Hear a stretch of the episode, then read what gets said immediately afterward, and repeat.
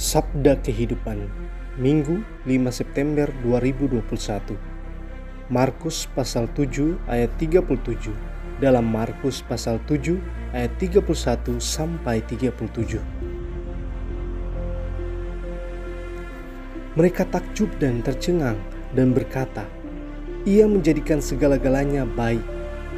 Yang tuli dijadikannya mendengar Yang bisu dijadikannya berkata-kata dalam kitab Kejadian dikisahkan bahwa untuk semua yang telah diciptakan Allah, baik alam semesta maupun segala makhluk yang hidup dengan manusia sebagai mahkota ciptaannya, Allah melihat bahwa segala yang dijadikannya itu sungguh amat baik.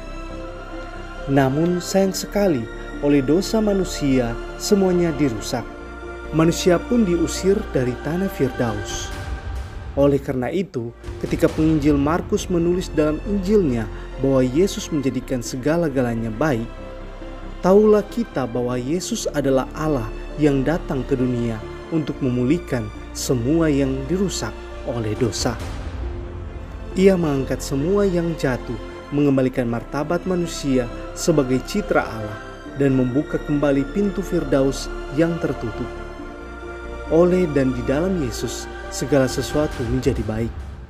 Yang tuli mendengar, yang buta melihat, yang bisu berbicara, yang lumpuh berjalan, yang sakit disembuhkan, yang berdosa diampuni, dan yang mati dibangkitkan.